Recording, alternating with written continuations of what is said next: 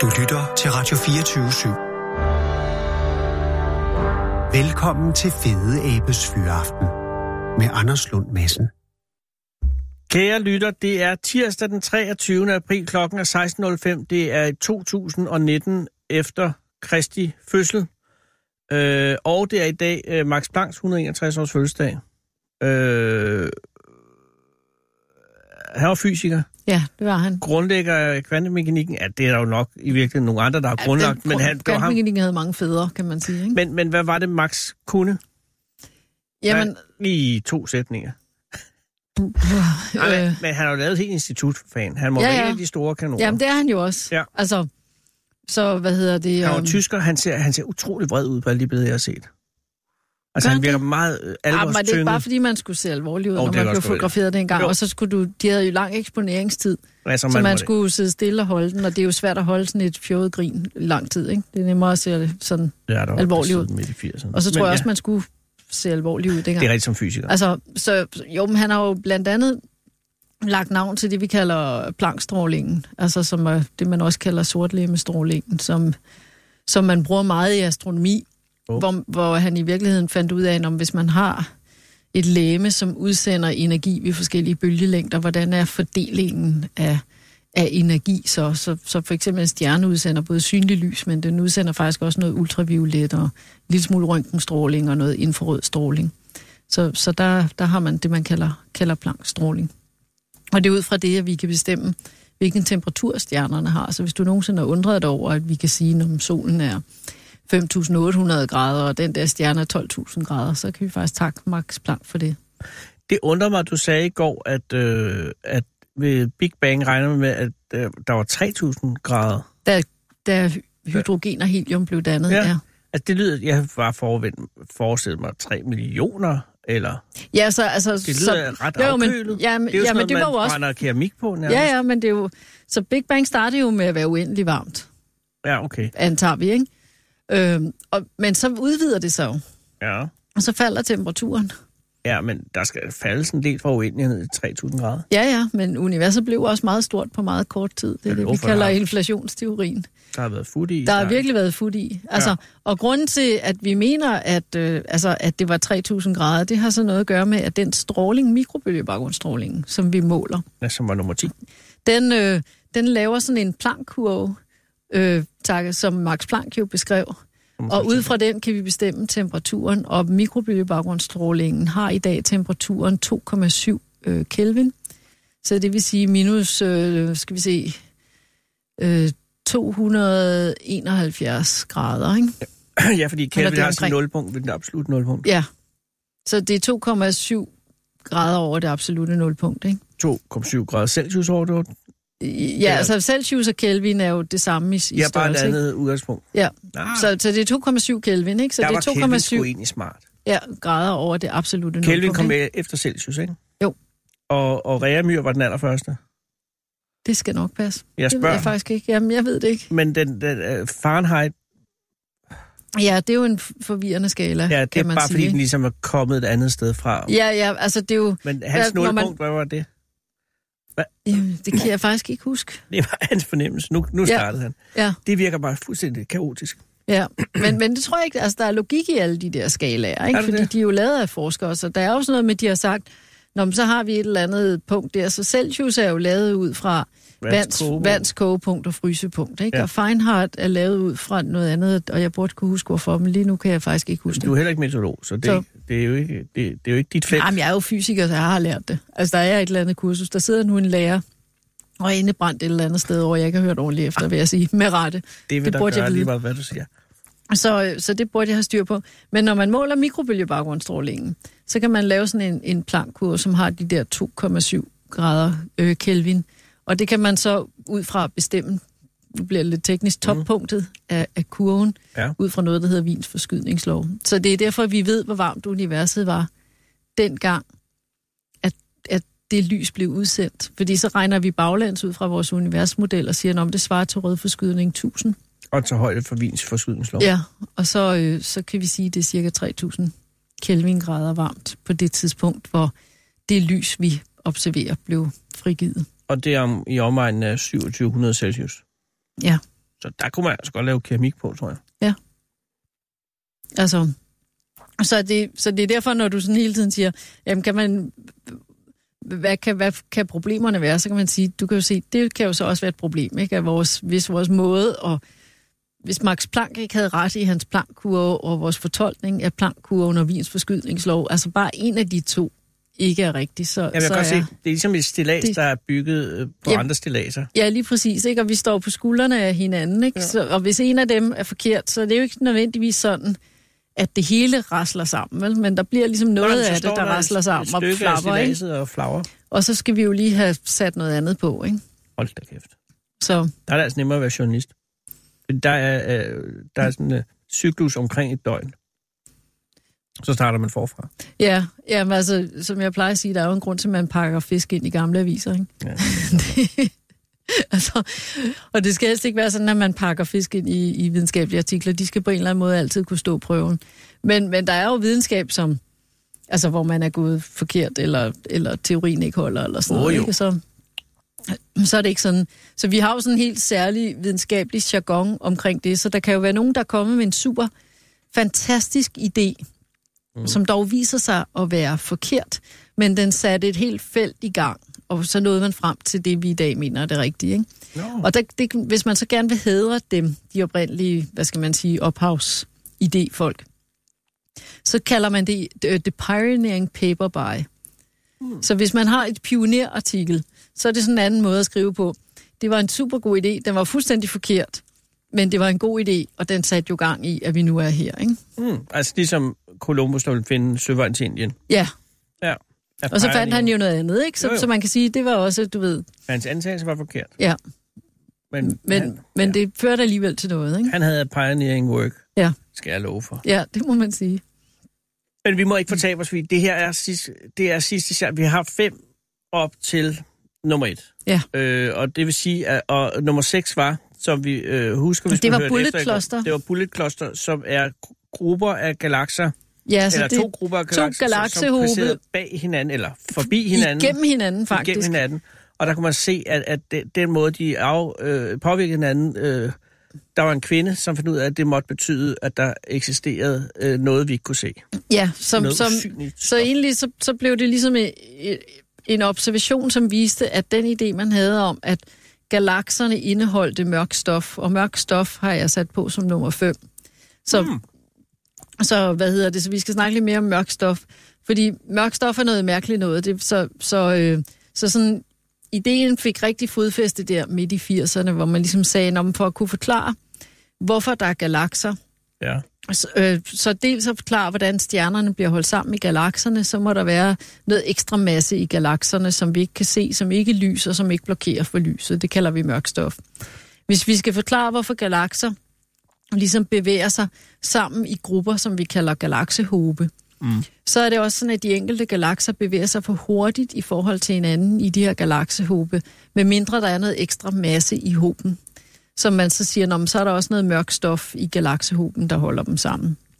Og i virkeligheden, når man regner nogle matematiske modeller af, hvordan kan universet fra Big Bang have udviklet sig til at have den fordeling af galakser i dag, fordi hvis du lige tænker over Big Bang-modellen, så har man altså et univers, som er varmt og homogent, og så udvider det, så, har, så får man dannet hydrogen og helium, som, som ligger jævnt over hele universet.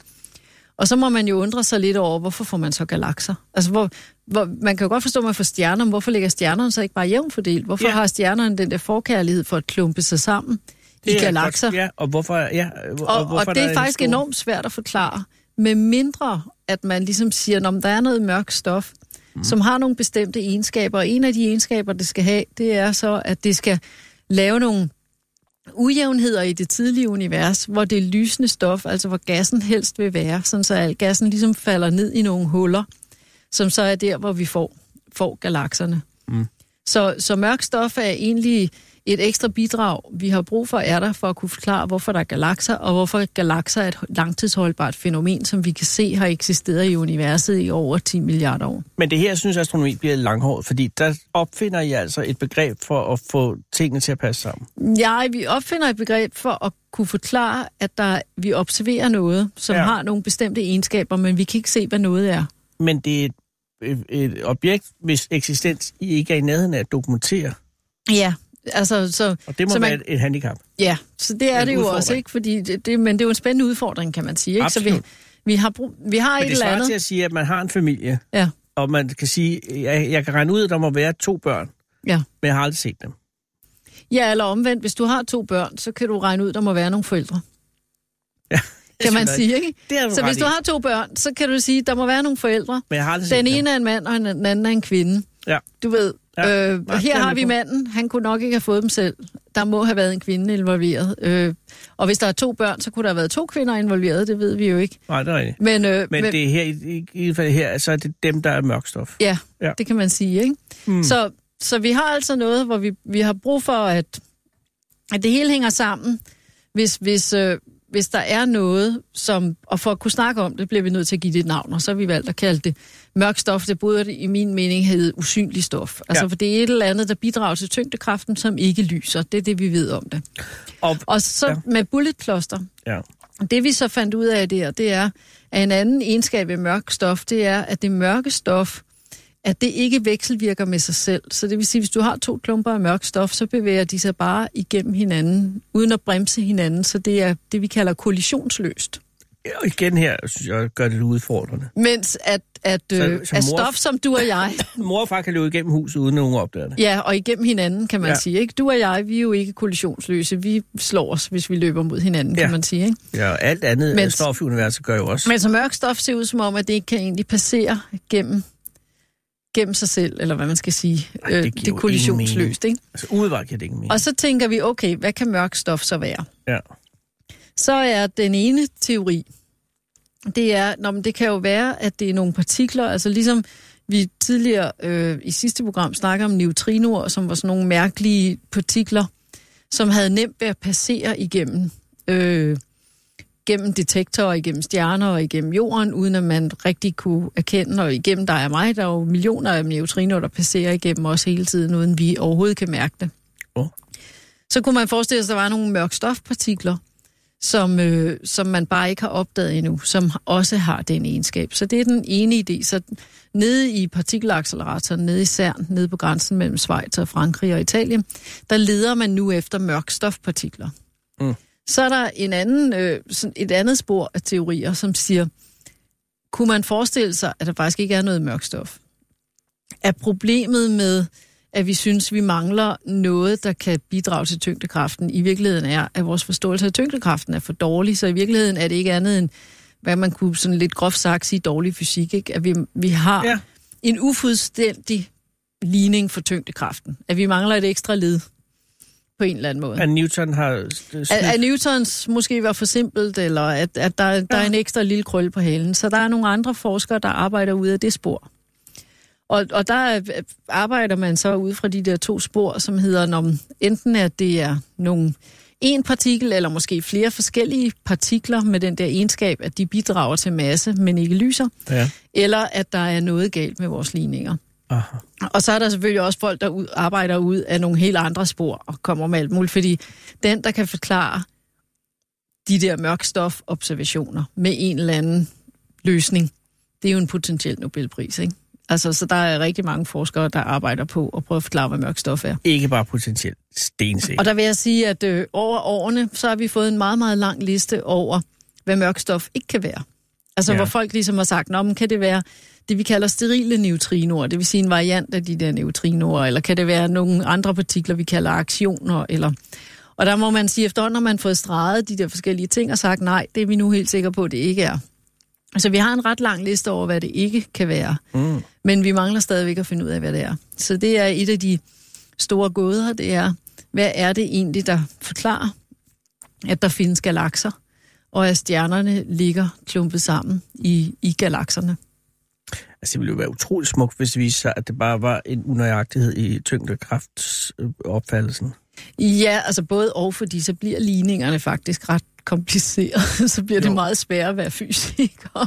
Øh, ja, medmindre det bare er en, en, en enkel unøjagtighed. Ja. Altså, eller, eller noget.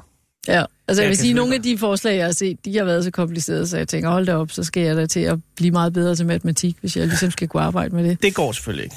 Men hvis alternativet er... Det gør det jo, at, altså hvis det er sådan, det er. Altså det er jo igen det der med, bare fordi jeg gerne vil have, at universet skal være simpelt, sådan så jeg kan forstå det, så det er jo ikke det samme, som det er helt Jamen, tror du ikke grundlæggende, at det er sådan, at det, at det er simpelt, og hvis, øh, hvis det bliver indviklet, så er det fordi, at vi forklarer det for øh, rådet?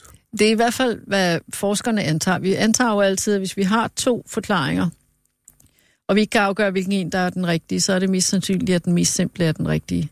Ja. Altså, fordi nu mere komplicerede tingene bliver, så kan man godt få dem til at passe, ikke? Altså, det er jo lidt ligesom de der forskellige konspirationsteorier, der er, ikke? Lige, lige præcis. For, for eksempel, der er jo folk, der mener, at vi ikke har været på månen. Og det har vi. Øhm, og det er der slet ingen tvivl om. Faktisk, Øh, og, øh, og så når folk de siger, hvorfor det, så begynder jeg med sådan nogle lange indviklede forklaringer om, hvor vi har hentet månesten, og man har, mm. man har afbildninger af, at der står alle de der instrumenter op på månen, så man kan jo se, at vi har været der, og man kan se fodsporene og så videre. Ikke? Det køber folk ikke. Hvis jeg så siger til folk, jamen, hvis amerikanerne ikke har været på månen, så havde Sovjetunionen jo ligesom er der? afsløret det, ikke? Nå, afsløret, ja. Så, så der er ingen grund til at tro, at amerikanerne ikke har været på månen. Så siger de fleste mennesker, når ja. Det er jo ikke et videnskabeligt argument, men de fleste argument, øh, nej, accepterer, når ja, det havde Sovjetunionen nok. Så de er virkelig hardcore konspirationsteoretikere. Det overbeviser ikke dem, fordi de synes jo bare, at Sovjetunionen jo også var inde i De den her den. konspiration. Ikke? Og så er det jo sådan, at konspirationen jo efterhånden bliver så kompliceret, så man tænker, ah, du ved, en ting er, at man kan have tusind amerikanere, der kan lave en hellig ed på, at de ligesom ikke vil sige noget, og de vil have en fælles hemmelighed. Det er svært at forestille sig, at det kan lade sig gøre. Men hvis man så skal involvere tusind fra Sovjetunionen i den hemmelige ed også, ikke, så begynder det virkelig at blive øh, mindre sandsynligt, vil jeg, Jeg sige. tror, det er frimurerne jo. Du tror, det er frimurerne? Ja, de, dem, der var på månen. Øh, alle de astronauter, øh, altså 11 af dem var spejder, sagde du tidligere. Ja. Alle 12 var frimur. Var det det? Nej, det er bare noget, jeg finder på. Okay. Men altså, øh, apropos frimur, øh, mørkstof, Mørk stof, ja. 20 procent cirka af alt øh, Masse stof, i universet Ja. er mørk stof. antager man er mørkstof. Ja. Øh, Altså, så man kan jo også bare kalde det uforklaret masse, ikke? Eller... Ja. Jamen, det er på samme måde, som øh, hvis, altså, hvis man har øh, en øh, diagnose til at være inden for autismespektret. Ja. Det er jo et bredt spektrum af forskellige ting. Så er der det, der hedder infantil autisme, og så er der en anden slags autisme, og så er der en tredje og så er der også det, som ikke falder inden for dem. Det hedder så bare noget andet slags autisme. Mm. Og de har så fundet øh, en forkortelse. ikke? Men det er, jo, det er jo også den måde, at øh, øh, videnskaben ind, i hvert fald indtil videre viser sin begrænsning, at der altid er en restgruppe, som man siger, det er, Som man så, det, er så det, som Ja. ikke falder i de andre grupper. Og det er jo som regel der... Og det er en at- svaghed. Ja, jo, jamen, det ved jeg ikke, for det er jo som regel i restgruppen, at, at svaret findes. Fordi hvis man kan finde ud af, hvorfor man har den der restgruppe, så, så forstår man som regel, hvad skal man sige, problemstillingen meget bedre. Ikke? Ja. Så det er jo altid der, hvor der sker noget andet. Altså ligesom med Alexander Flemings, som jo var interesseret i bakteriekultur. Ikke? Mm, Og så pludselig finder han en af sine petriskåle, hvor der ikke er nogen bakterier. Ikke? ja. Og der ligger så en penicillinsvamp, ikke? ja. og har slået alle bakterierne ihjel. Der kunne han jo have valgt bare at smide det der reagensglas, eller det der petriskål over skulderen og sagt, det, det passer ikke med mit forsøg, jeg gider ikke kigge på det. Det gjorde han heldigvis ikke, så fik vi penicillinen, ikke? Meget videnskab, der er gået til grunden på, at man bare smidt det ud, Det er der nok. fordi det ikke passer ind i. Men jeg tænker, hvis vi skal nå til ja, vejs ende, må vi hellere Eva, har du ret. Nummer videre. fire. Nummer fire, det er mørk energi. Nu er vi i gang med alle de mørke, kan ja, man sige. ja, ja. Så hvor mørk stof er det, der forklarer, hvorfor at stjernerne hænger sammen i galakserne. ja. så er mørk energi noget andet virkelig mystisk, øh, som blev øh, observeret, eller ligesom publiceret første gang i 1998. Og der var to øh, konkurrerende grupper, som prøvede at måle, jamen hvis det er sådan, at universet udvider sig, mm. hvor hurtigt udvider det sig så? Mm-hmm. Fordi man havde ligesom tre forskellige teorier. Man sagde, når man, man kan jo forestille sig, at hvis Big Bang ligesom satte universet i gang på en eller anden måde, som vi endnu ikke kan forklare, så har man en eller anden udvidelse. Så har vi noget masse i universet, der giver noget tyngdekraft, som prøver at stoppe udvidelsen, simpelthen ved at, at holde den sammen. Mm. Og så er spørgsmålet jo, vil det være sådan, at universet vil udvide sig til, det havde den størrelse, universet skulle have? Og mm. hvad er så den størrelse? Eller kunne man forestille sig, at udvidelsen bare ville fortsætte, men gå langsommere og langsommere? Eller kunne man ligefrem forestille sig, at udvidelsen ville blive bremset så meget op, så universet, at massen ville vinde og begynde at trække universet sammen igen, sådan, så man Oh. ligesom fik et pulserende univers. ja. Og det ville man gerne måle. Og så lavede man så en måling, hvor man prøvede at måle, hvor hurtigt bevægede galakserne sig væk fra hinanden i det tidlige univers, og hvor hurtigt bevæger de sig væk fra hinanden i dag, ja. altså i det nuværende univers. Og så, og man har lige fået nye kigger og nye måleinstrumenter, og så, øh, så kom det meget, meget overraskende svar, som man nærmest kun troede på, fordi man havde to forskellige grupper, der, der konkurrerede om at måle det, og de målte det samme, og ingen forstod. Det var, at universet ikke bare udvider sig. Det udvider sig hurtigere og hurtigere, det accelererer. Og det var jo ligesom ikke del af nogle af de teorier, vi havde, så det var der ingen, der forventede. Det var bare sådan en, det kan jo ikke være rigtigt. Og, og der var jo rigtig mange, inklusiv mig selv, der bare slog mig på låret og grin og sagde, den tror jeg simpelthen ikke på. Det må de simpelthen længere ud på landet med. Mm-hmm. De må have lavet en målefejl. Og jeg var så helt sikker på, at den målefejl, de havde lavet, for de måde, de målte på, det var, at de målte nogle fjerne supernovaer. Så tænkte jeg, at de har glemt at tage højde for, at der er støv i galakserne, så de har ligesom overvurderet afstanden til deres øh, supernovaer. Og i virkeligheden, så, så er afstanden en anden, hvis man tager højde for støvet, og så vil ja, man kunne få de der måling til at, at blive det, den burde blive i mine øjne. Ikke? Og så satte jeg mig ned og begyndte at skrive en artikel om, at det ville da være de var jo også bare nogle idioter, ikke? Jeg skrev det sådan lidt pænere og sådan noget. Mm. Indtil jeg så begyndte at regne på det, og så fandt ud af, at hvis den her observation skulle kunne gå væk, kan man sige, ikke? Ja. Med støv, så ville universet simpelthen være så støvet, så vi nærmest ikke ville kunne se øh, knap nok vores egen mælkevej, og slet ikke tage en Andromeda-galaksen, og så kunne jeg jo godt indse, at så holdt den jo ikke, vel? Fordi så meget støv er der jo ikke, fordi så ville vi jo have fået øje på det. Så du dræbt din egen Så jeg tænkte, okay, hvis man ikke kan få det til at gå væk, så kan det jo godt være, at det er der. Øhm, så, så det er altså virkelig mærkeligt, at lige i øjeblikket, der tyder det altså på, at universet ikke bare udvider sig, det udvider sig hurtigere og hurtigere, det accelererer. Og så er det jo sådan for fysikere, hvis noget skal accelerere, så skal der jo noget et eller andet energi til. Der skal ah. jo være noget, der ligesom skubber på. Det er klart. Og, for og det kalder forklare... vi så mørk energi. Ja, det... Og mørk energi er egentlig bare usynlig energi. Det er den usynlige energi, der skal til for at give øh, universet det ekstra spark, der skal til for, at det faktisk kan accelerere. Og hvor meget er der taler om? Og det, ja, det er jo så spørgsmålet, ikke? fordi det er jo det er en svær måling at lave, så vi diskuterer meget lige i øjeblikket. Der er flere, der prøver at måle det for at finde ud af, hvor meget mørk energi skal der til, og hvad kan der være af forklaringer. Og dem, som lavede observationen tilbage i 1998, der, de fik faktisk Nobelprisen for det allerede i 2011, så det wow. er jo så et argument for, at man godt kan få den ungt. Fordi at Brian Smith, som var en af dem, der fik Nobelprisen, han er faktisk øh, yngre end dig og mig. Så han var kun der midt i 40'erne, da han fik Nobelprisen, ikke? og midt i 30'erne, da han lavede øh, observationen. Så, øh, ja, det er lidt så, så man behøver ikke være under 25, og man behøver så heller ikke være over 80 for, for, for at få den. En enkelt gang imellem, så går det hurtigere. Men vi ved stadigvæk ikke, hvad mørk energi er. Nej. Altså, men, så, så mørk energi er begrebet for et eller andet, der får universet til at udvide sig, hurtigere og hurtigere accelerere. Så det første meget virkelig gode idé, som jeg egentlig stadigvæk håber på kan være rigtigt, det er, at, at der var nogen, der foreslog, jamen kunne det være det, vi kalder vakuumenergi. Altså, fordi det er sådan ifølge kvantemekanikken, at vakuum, altså ingenting, det, det tomme rum, uh-huh. det må faktisk godt have en lille smule energi. Det skal bare være så lidt, som man ikke kan måle det, kan man sige. Og, og hvis, hvis man tænker over, hvad der bliver mere af, når universet udvider sig, det er jo så, at der bliver mere og mere vakuum, altså mere og mere tomrum mellem galakserne. Ja, det fordi klar. det er jo det, der vokser. Så hvis man har en hel masse summer af små energi, små mængder energi, og der bliver flere og flere af dem, så på et eller andet tidspunkt i universet, så bliver summen af alle de her små bidrag jo, så begynder det jo at blive til noget. Uh-huh. Og det tyder beregningerne så på, det er nu. Øh, og da der jo så bliver mere og mere vakuum, så betyder det altså, hvis den her idé om vakuumenergi er rigtig, at så har, er vakuum ved at få overtaget, og det faktisk er vakuum, der, der styrer øh, universet. Så grunden til, at vi ikke er sikre på, at det er rigtigt, det er, når man så måler på vakuum i laboratoriet. Og ja. det kan man jo godt gøre. Sådan rent teoretisk er det jo enormt nemt. Det er jo bare at tage en kasse og så tømme den for al luft. Og så har man et vakuum, og så kan man sidde og kigge på det i 10.000 år og se, hvad vakuum gør, når det sidder med sig selv og spekulerer på, hvad det har lyst til at gøre. Ikke? I praksis er det enormt svært, fordi lige så snart man tømmer en beholder for luft for at lave vakuum, så er der altid noget fra indersiden af beholderen, der ligesom falder ind i, så det er faktisk svært at lave sådan et, et, et rent vakuum. Så vi har konkurrerende teorier for, hvad vakuum er, og ingen af de tre konkurrerende teorier passer med udvidelsen af universet. Men det, jeg synes, der er skønt, det er, hvis det virkelig er vakuum, så kan vi måle det i laboratoriet. Og på en eller anden måde er der også noget enormt skønt, og samtidig noget enormt skræmmende og noget enormt absurd, hvis det er ingenting, mm. altså tomhed, Ja, som på en eller anden måde styrer universets udvikling. Ikke? ja det er det. Det tyder i hvert fald ikke på intelligent design, tænker jeg. Nej. så, øh, så, vi, det, så det kæmper vi lidt med. Hvad er mørk energi? Men vi ved, den er der.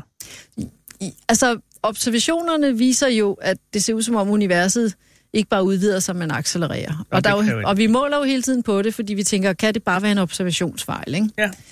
Øh, og det kan det stadigvæk, vil jeg sige. Men, men, øh, men det bliver tyder mere og mere på, at det er reelt nok. Det er der, og vi skal prøve at forklare det. Og måske er det en femte naturkraft. Altså måske er det noget fysik, vi mangler at forstå. Altså Ja. måske er det ikke noget mystisk, måske er det bare noget, vi ikke har opdaget endnu. Ikke? Så uanset hvad, så er det jo spændende. Altså, når vi engang får styr på det. Det er også en fjerdeplads, jo.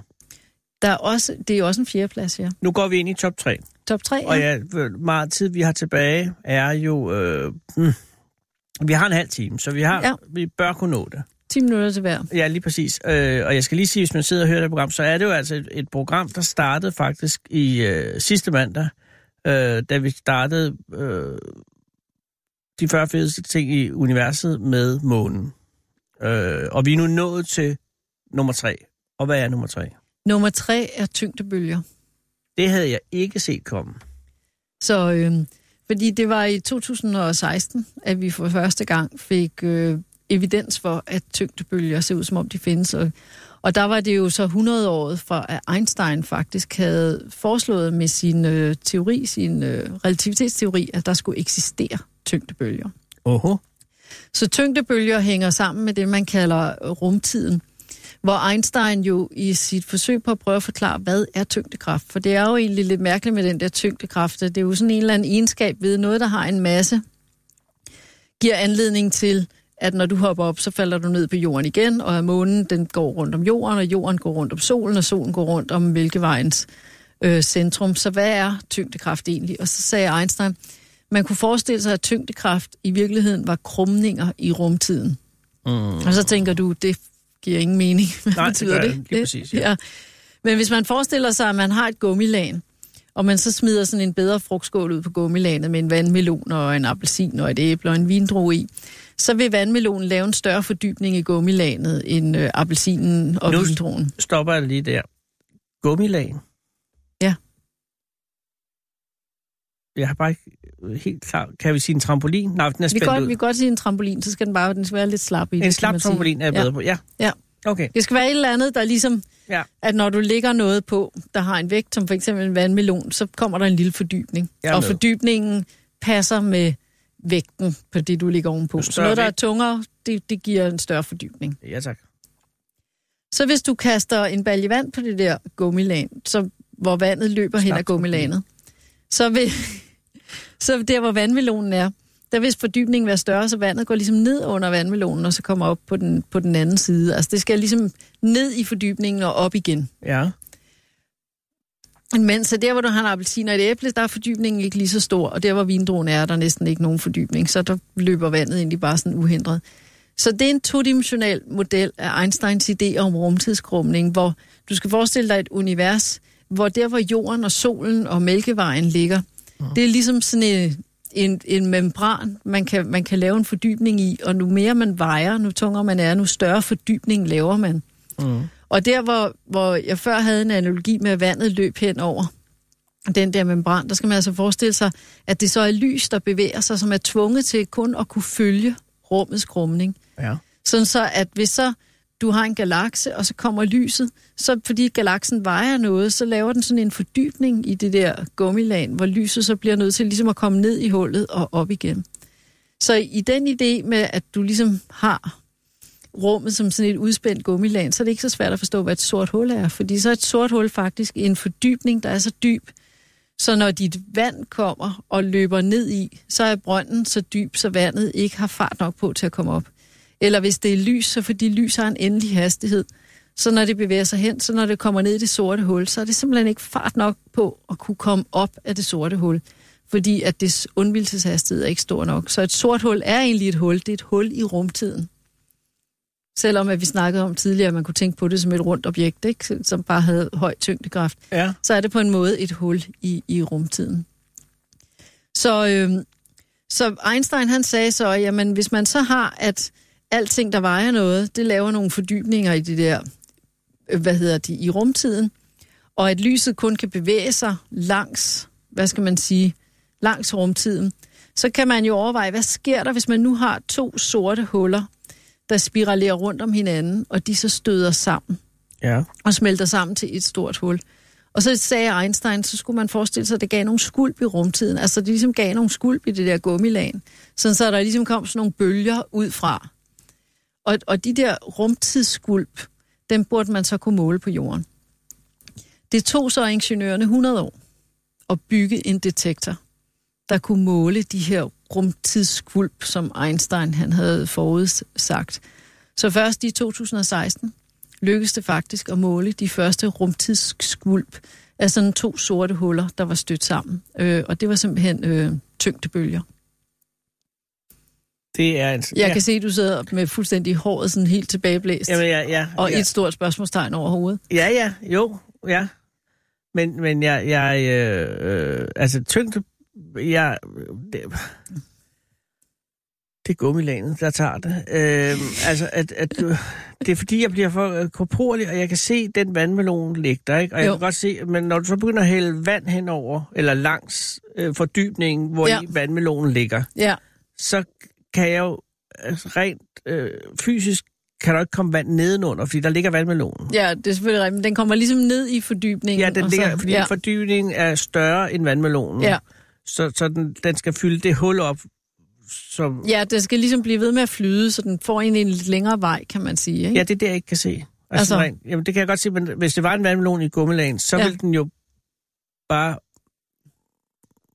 For det første, så skulle det have en hældning, for at vandet kunne løbe, ikke? Jo. Så, og jeg havde forestillet mig, at gummilagenet var lige, ja. men så løber, så skal vandet sprøjtes, og det giver ikke, fordi så Jamen, du er har jo kastet energi. det fra din balje.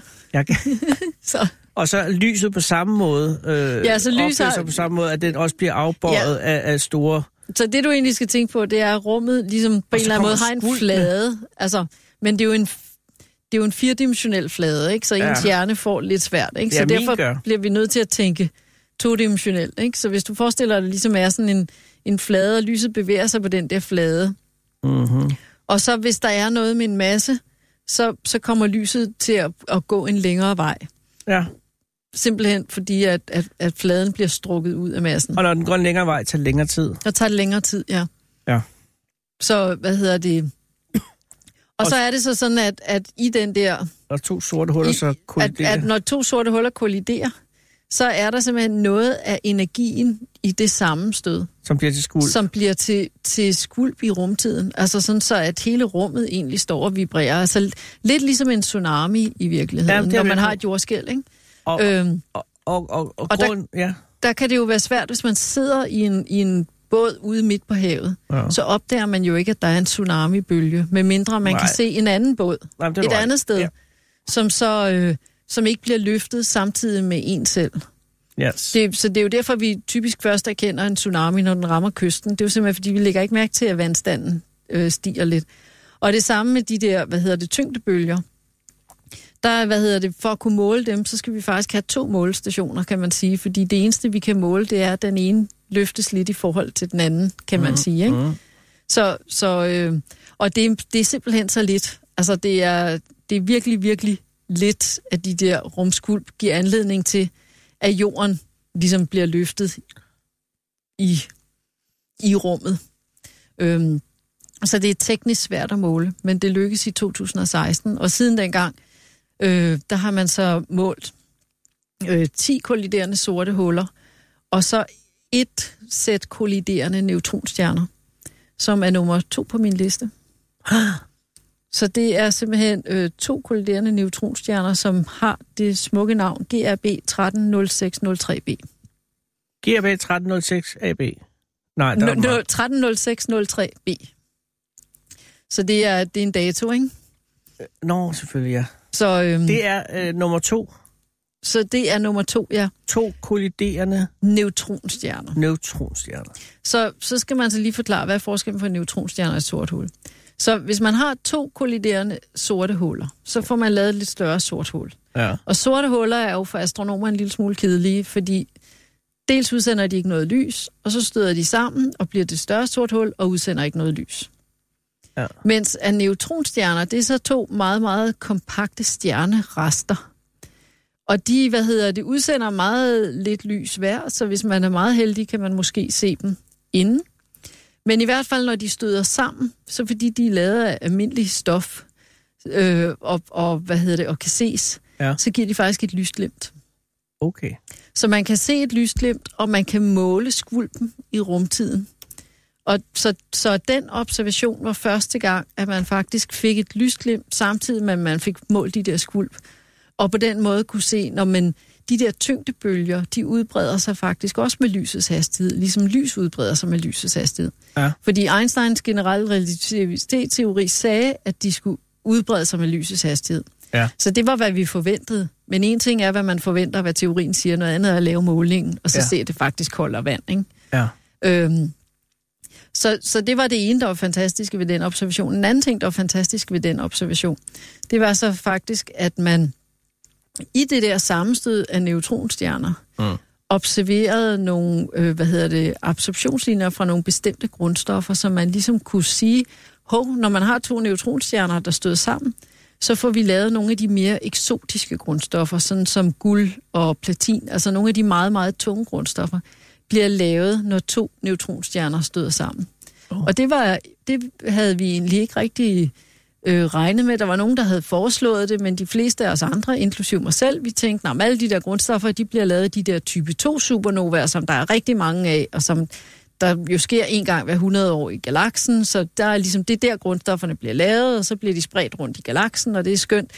Og dem, som troede på de der neutronstjerner, der sagde vi, det har ingen gang på jord, fordi der er kun sådan en kollision af to neutronstjerner en gang hver 20.000 år. Så det vil sige, det er meget sjældent, du har sådan en begivenhed, så hvis det skal kunne forklare de der grundstoffer i galaksen, Så skal der så skal der, ja, du Ja. ved, det har ingen gang på jord. Det er, en, det er en sjov teori, men vi tror ikke på den, vel?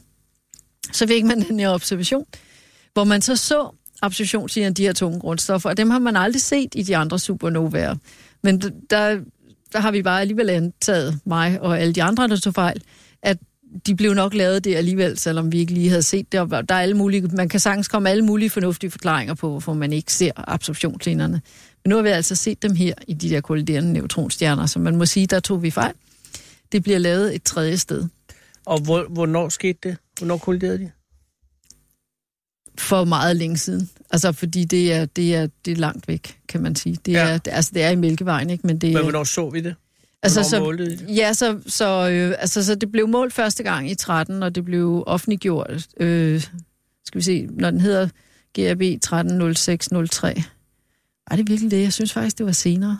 Det er jeg lidt i tvivl. Fordi det blev offentliggjort her i... Og jeg synes jo, alting var for nylig, ikke? Mm. Så jeg ville have sagt 18, men det er nok 17, at, at øh, man offentliggjorde den her observation. Så der bliver jeg da lidt svarskyldig. Det er meget for nylig. Det er sket for nylig. Ja. Kolliderende neutronstjerner Neutronstjerner øh, Er nummer med, to. med titlen. Og før vi går til et, så synes jeg lige, vi skal have listen igennem fra øh, bunden af. Øh, det er, hvor lang tid har vi tilbage? Vi har ikke så lang tid tilbage. Vi har, hvad der ligner 13. Vi godt nået. Øh, så øh, hvis jeg siger, nummer 40 er månen, øh, hvad så... Det kan være...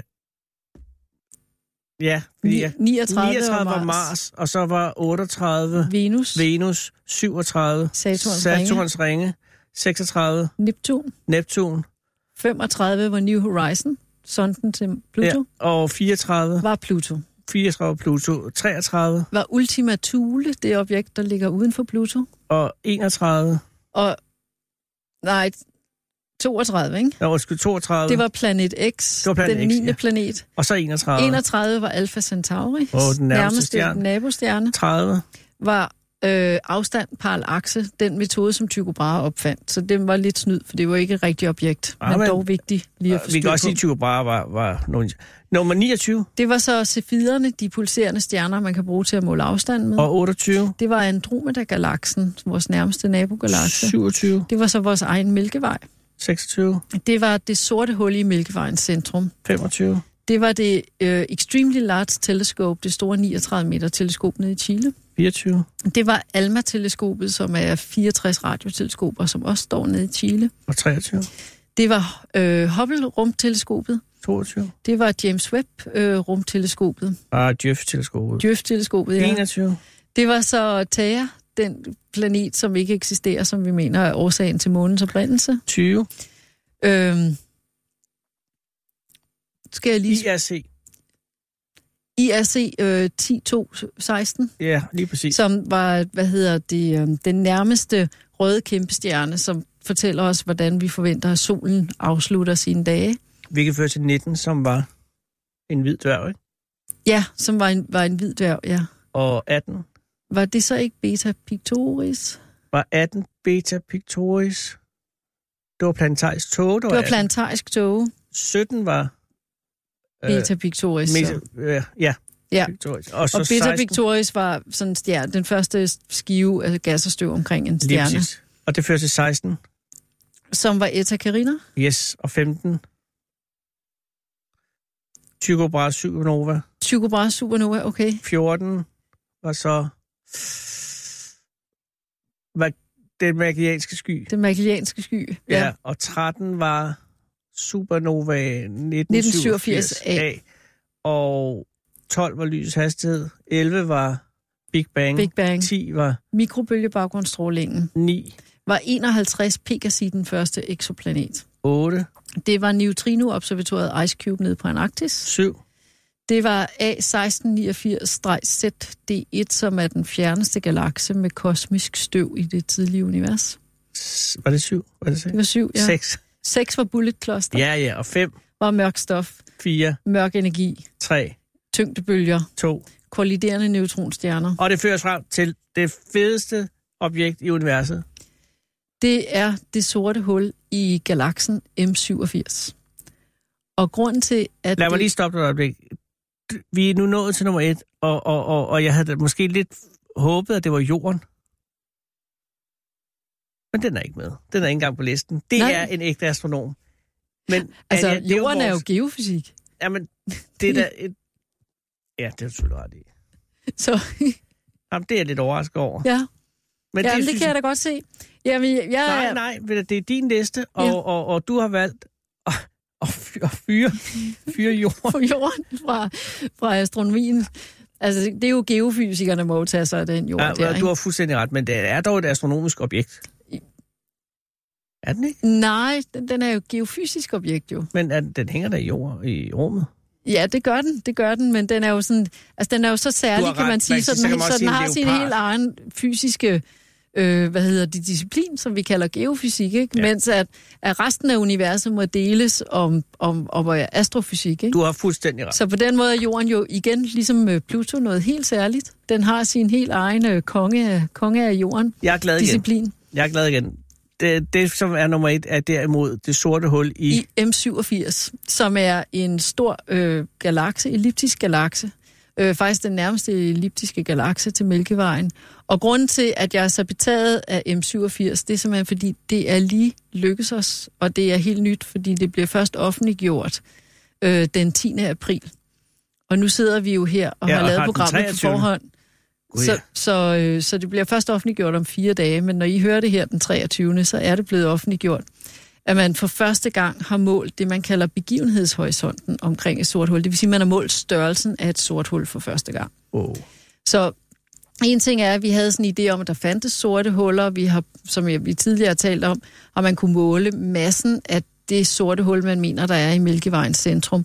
Men nu har man altså for første gang kunne observere, hvad radius af sådan et sort hul er. Altså, mm. hvor meget det fylder i rummet øh, i forhold til den masse, man mener, der er. Og det gode er, øh, den gode nyhed er, at ligningerne stemmer, kan man sige. Det passer.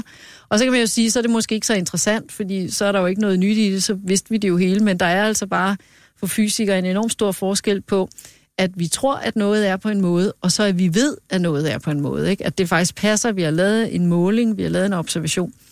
Og grunden til, at M87 også er interessant, det er så fordi, at man arbejder sammen øh, internationalt på at måle det, man kalder begivenhedshorisonten, altså radius er sådan et, et, et sort hul. Og der er et radioteleskop, som hedder Greenland Telescope, som er med i hele det netværk af radioteleskoper. Og Greenland Telescope står lige i øjeblikket oppe i Thule og skal til sommer ind og stå inde ved det, man kalder summit, altså inden midt på indlandsisen. Oh. Og der skal det altså flyttes fra Thule ind til indlandsisen, og da sådan et radioteleskop er enormt stort, så kan man jo ikke bare smide det ind i en flyver, og så flyve det ind midt på indlandsisen. Så det, man gør, det er simpelthen, at man sætter sådan en, en øh, masse maskiner på lavfødder til at trække det der radioteleskop på, på kæmpe ski ind over indlandsisen. Og så skal man jo altså have nogen, der kører forrest med en radar og sikrer sig, at der ikke er nogen revner i isen, sådan så det falder ned i sådan nogle bjergkløfter. Og det kommer altså til at tage øh, 3-4 uger at køre det ind over indlandsisen. Så det er altså sådan et, øh, et stort entreprenørarbejde for at få Greenland Telescope ind og stå der på Summit, hvor det så skal stå for at kunne arbejde sammen med et teleskop i Australien og i Chile og i Sydafrika, sådan så man i fællesskab kan bruge de der radioteleskoper til at lave en endnu bedre bestemmelse af størrelsen af, af det sorte hul i M87. Er det rambøl igen? Nej, nej, det er faktisk ikke, det er ikke Rambøl. Er det hjemmestyret, de har fået Ja, så det, det er faktisk det er, det, det er Grønlands øh, hjemmestyre, som oh, sammen God. med, hvad hedder det, um, øh, nogle forskere i, i Taiwan, så man har bygget teleskop i Taiwan, så man sejlet til Grønland, og nu skal det så ind og stå på Summit, og så er der jo selvfølgelig danske astrofysikere, som er med. Er der øh, taiwanesiske øh, videnskabsfolk eller, eller entreprenører på, i Grønland? Nej, ikke, nej så, så de har bygget teleskopet, og så er der, så hvad hedder det, øh, og så er der, hvad hedder det, taiwanesiske astrofysikere, som er involveret. De har virkelig et godt uh, institut for astrofysik i, i Taiwan, så vi har et rigtig godt samarbejde med Men dem. Men det kan jo være gift for forholdet til Kina, øh, Ej, det som de er ved at altså køre op og køre. Det, det tror jeg faktisk ikke. Åh, oh, de er så hissige med de der, der Altså, det er jo det gode ved astronomi. Der er jo ikke rigtig nogen, der er sådan... der er ikke så meget politik i astronomi. Det er simpelthen det eneste sted i hele universet, det, hvor der ikke er politik. Det er ja, ikke for astronomi. Men det er jo fordi, at, at de fleste kan jo blive enige om, at det bare er dybt fascinerende. Og det er helt fantastisk med det der univers, ikke?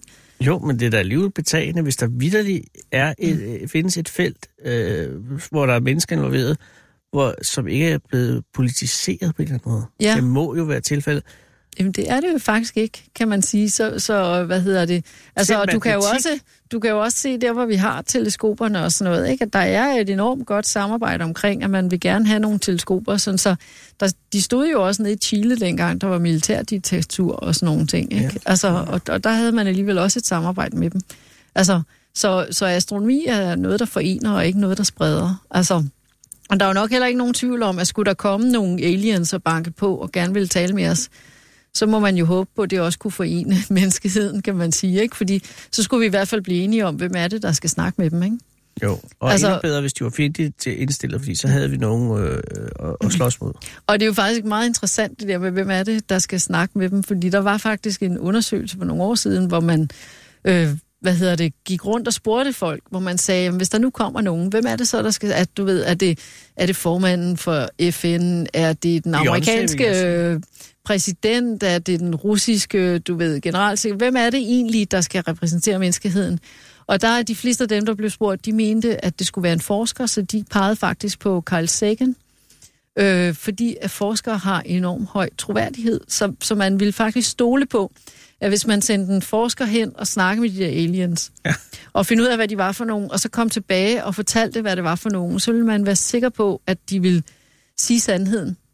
Men så hvis det var politikere, så ville man forestille sig, at de ville, hvis der var noget alien technology, som ja. man lige kunne bruge til noget våbenudvikling, så ville man komme til at glemme at fortælle om det, eller et eller andet. Og hvis der var en dyrforsøg, der kom ind tilbage, som ligesom mere var blevet deres band. Ja, ja måske. Altså, så, så på den måde, så, øh, så har forskere jo men... utrolig høj troværdighed til forskel fra din branche, som jo, som jo ligger i den anden ende af skalaen sammen med politikerne. Vi skal ikke sende hende af Kvartrup derhen. Nej, nej, nej der vil være Han problem har udstået sin straf, jeg ved det bare, men der er stadig, øh, ja, der er hele tiden det. Og så Men det er jeg- ikke sikkert, at det vil blive kedeligt. Nej, Det, er det kan godt være, at de vil, Men der, der vil være nogle meget festlige øh, beskrivelser af de der aliens. Men på den anden side, hvis vi nu sender øh, Holger Bæk Nielsen derhen, ikke, så vil der jo også være øh, en fantastisk mand, men jo også en mand, øh, som jo godt kunne give nogle forvirrede signaler, når han kom tilbage. Ja, så, så, så det er måske heller ikke alle forskere, der vil være... Det, skal- det skal måske være sådan nogle lidt kedelige, du ved, præcisionsagtige forskere, ikke? Så nogle, der, der ligesom går ind, og så ser de det, de ser, og så kommer de tilbage, og så rapporterer de sådan fuldstændig tørt og straight, hvad de har set, og hvad de har observeret, og hvad de, hvad de mener, det betyder, ikke? Jeg vil være fuldstændig tryg ved at sende dig derhen.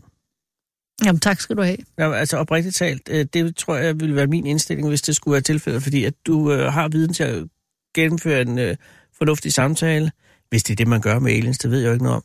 Øh, og så vil du også have øh, samvittigheden til at komme og, øh, tilbage og referere den lojalt. Og måske også have fået et par idéer på vejen.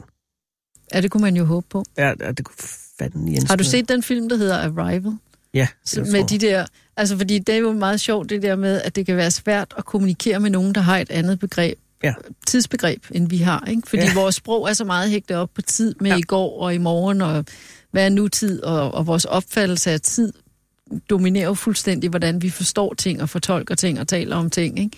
Sådan så, at, at selv hvis man kunne udvikle et fælles sprog, kan det faktisk være svært at forstå hinanden. Ikke? Og det kender man jo også fra andre civilisationer, som jo har sådan det der lidt manjana. Altså, det gør ikke så meget, om toget kører nu, bare, eller i Nå. morgen, du ved bare, det kører på et tidspunkt, ikke? Og hvor man som dansker har svært ved at, at, at fungere i sådan en kultur, ikke? Så, så øh, det synes Ja, jeg er så interessant, det der med synes, tid. at øh, indianerne var langsomme, så bare vent til, der kommer dem fra de andre planeter, for de har måske en helt astronomisk længere tidsopfattelse. Jo, jo, man kan jo også forestille sig, hvis man kan leve Eller længere, end vi gør, ikke? Hvis man, hvis man har meget længere tid at løbe på, end vi har, så har man måske heller ikke så travlt. Men for, forestil dig, at vi mødte en livsform, som havde endnu mere travlt end os. Altså, som havde måske livsspand på et døgn, ikke? Sådan en bananflyve. Ja. Altså, der kunne man prøve, så kom skoen på den anden fod, ikke? Jo, jo, fordi bananfluer har vel egentlig så travlt, de ikke engang har tid til at spise, ikke? De spiser slet ikke i løbet af et liv. Nej. Eller ikke deres voksenliv i hvert fald. Men du siger for lige, fordi vi, vi det lakker mod enden jo, øh, det sorte hul i øh, M7 87. 87 er, er for dig at se lige nu det Lige nu mest nummer et, øh, ja. fantastiske objekt i universet. Og det er Fordi jo, det simpelthen er den nyeste måling, ikke? Ja. Jeg er sådan en, jeg er altid mest begejstret, fordi vi lige har fundet ud af. det, altså- og det forstår jeg godt. Og, og, og det er altså her øh, den 10. som jo nu ligger øh, 10 dage, eller 13 dage tilbage, at det bliver offentliggjort, at man kan måle udstrækningen. Eller øh, hvad hedder det? Radio, eller Radius, ja, ja, man kalder det begivenhedshorisonten, ikke? begivenhedshorisont. Og det har så noget at gøre med, at vi diskuterer lidt, hvad et sort hul er, og der er nogle teorier, der siger, det er det, vi kalder en singularitet, altså en, en prik inde i, i, øh, i det, man kunne kalde radius af det sorte hul, fordi det sorte huls radius er jo defineret der, hvor lys ikke kan undslippe. Mm. Så det har en eller anden udbredelse, men det er ikke sikkert, at det materiale, der er inde i det sorte hul, fylder hele den radius. Det kan egentlig godt være, at det bare ligger inde i et punkt, og så er der egentlig vakuum øh, ud til der, hvor lyset ikke kan undslippe. Altså, og, det, og det er jo, fordi vi ikke har været inde i et sort hul og set, hvordan der ser ud, så er der rigtig mange teorier om, hvad der må foregå inde på den anden side af begivenhedshorisonten, som hedder begivenhedshorisonten, fordi vi ikke kan se begivenheder på den anden side af den Ja, det forstår jeg. den kant, ikke? Så, så det er dertil, vi kan måle. Det er, at vi kan, må- bemåle, vi kan måle begivenhedshorisonten. Så giver det mening nu at sige, at vi nu kan sige, at der findes sorte huller, fordi vi kan sige, at der er en begivenhedshorisont? Ja. Okay. Det så, næste... så hvor vi før har set antydninger, Ja. ja. og vi har set, det har påvirket ting, så har vi nu set et sort hul til den udstrækning, det er muligt at se et sort hul, kan man sige. Ikke? Fordi der er noget gas og støv rundt om, og vi kan ligesom se, hvor gas og støvet Stop. forsvinder. Tillykke. Tak. Ja, og øh, har du været med til det? Nej, det har jeg ikke, men det har nogle af mine gode kollegaer ved Niels Bohr Instituttet, så, så der er flere af mine kollegaer involveret. Jeg Vil du ikke helt stemme og sige tillykke fra, øh, fra, fra radioen? Det vil de blive glade for. Og, øh, og så skal du vel hjem på instituttet, ikke? Jo. Ja.